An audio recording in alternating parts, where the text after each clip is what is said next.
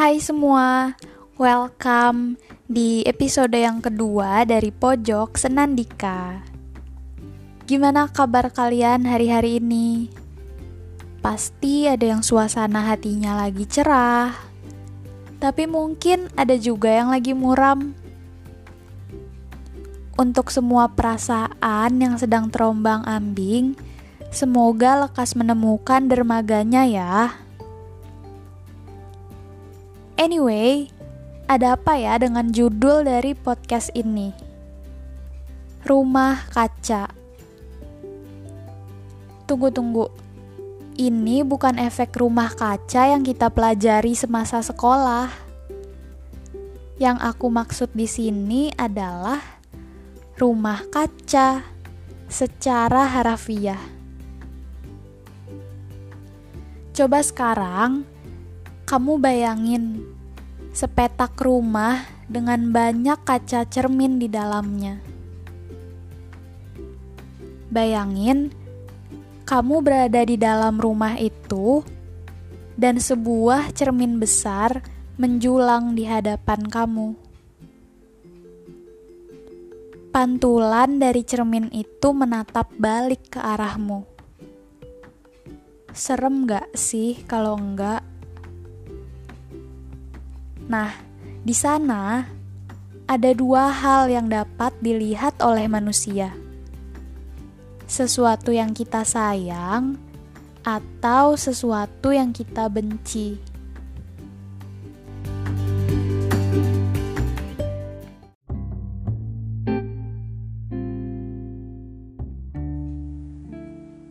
Ih, gendut, jerawatan banget sih gak bisa rawat muka.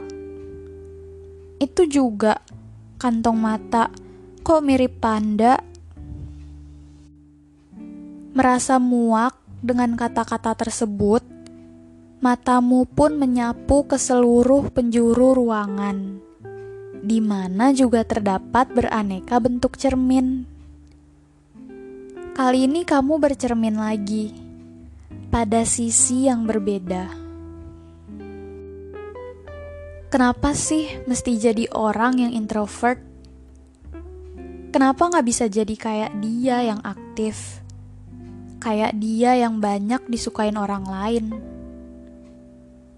Duh, niat gak sih jadi manusia? Kata-kata itu dengan lancangnya menyerbu kepalamu bagai membaca guratan tinta merah setiap kali bercermin. Dihiasi stempel bertuliskan standar-standar dunia yang hendak kamu penuhi. Hingga kedua hal itu mengunci fokus dan mengurung atensimu. Merenggut setiap inci kepercayaan diri, hingga yang tersisa sekarang hanya perasaan tidak aman, insecure. Nelangsa lara melebur. Tetesan kecil pelupuk mata lama-lama menderas. Karam ke dasar samudra dan mati bersama gambar diri yang ternodai. Tapi dari mana asalnya kata-kata itu? Dari pikiranmu sendiri. Toh tidak ada orang lain di sana. Bahkan dengan mulut terkatup rapat, pikiranmu dapat mencemooh sebegitu jahatnya. Bagaimana rasanya dipenjara oleh pikiran sendiri? Dibelenggu perasaan tidak cukup baik, didera perasaan iri saat melihat sosok lain yang lebih ideal.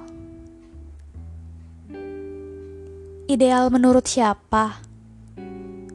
Patokan apa yang kamu pakai untuk menilai demikian? Udah ya, cukup sekarang, hapus semua tulisan bertinta merah dan stempel-stempel dunia yang menempel pada cermin itu. Kemudian, apa yang tersisa? Masih sosok yang sama, kan? Seperti pertama kali kamu berdiri di sana.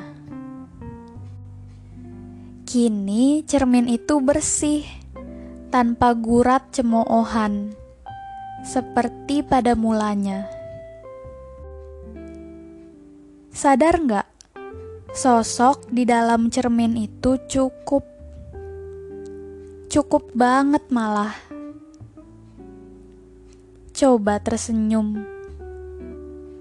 Lihat matamu terhimpit akibat lekuk senyum pada pipimu tepat seperti lukisan yang paripurna. Tidak kalah menawan dengan semburat jingga di kala senja.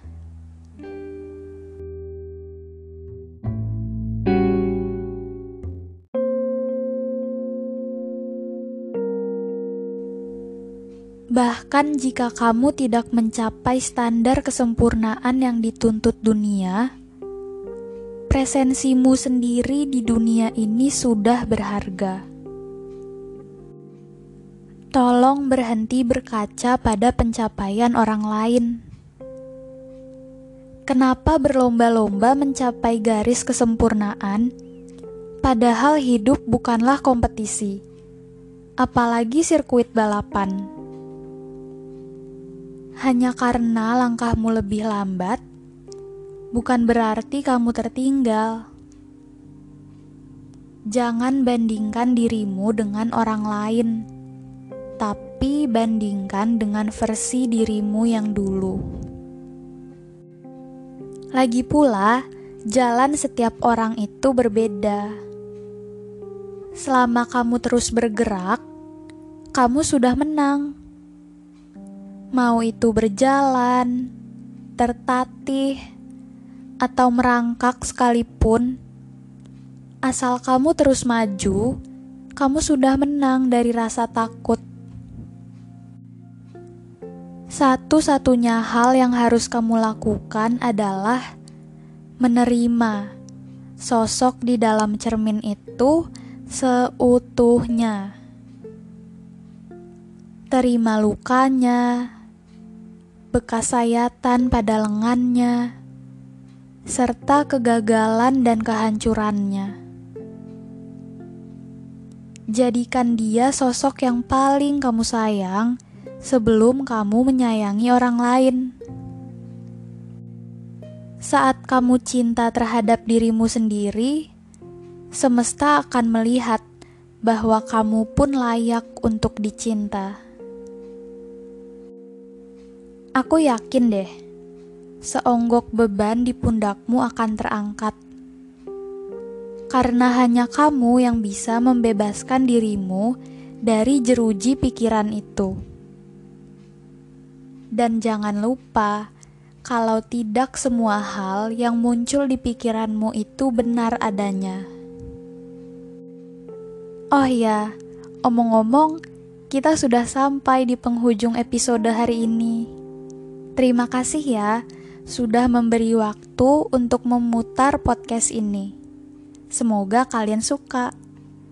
Jangan lupa untuk nantikan episode selanjutnya. Bye bye.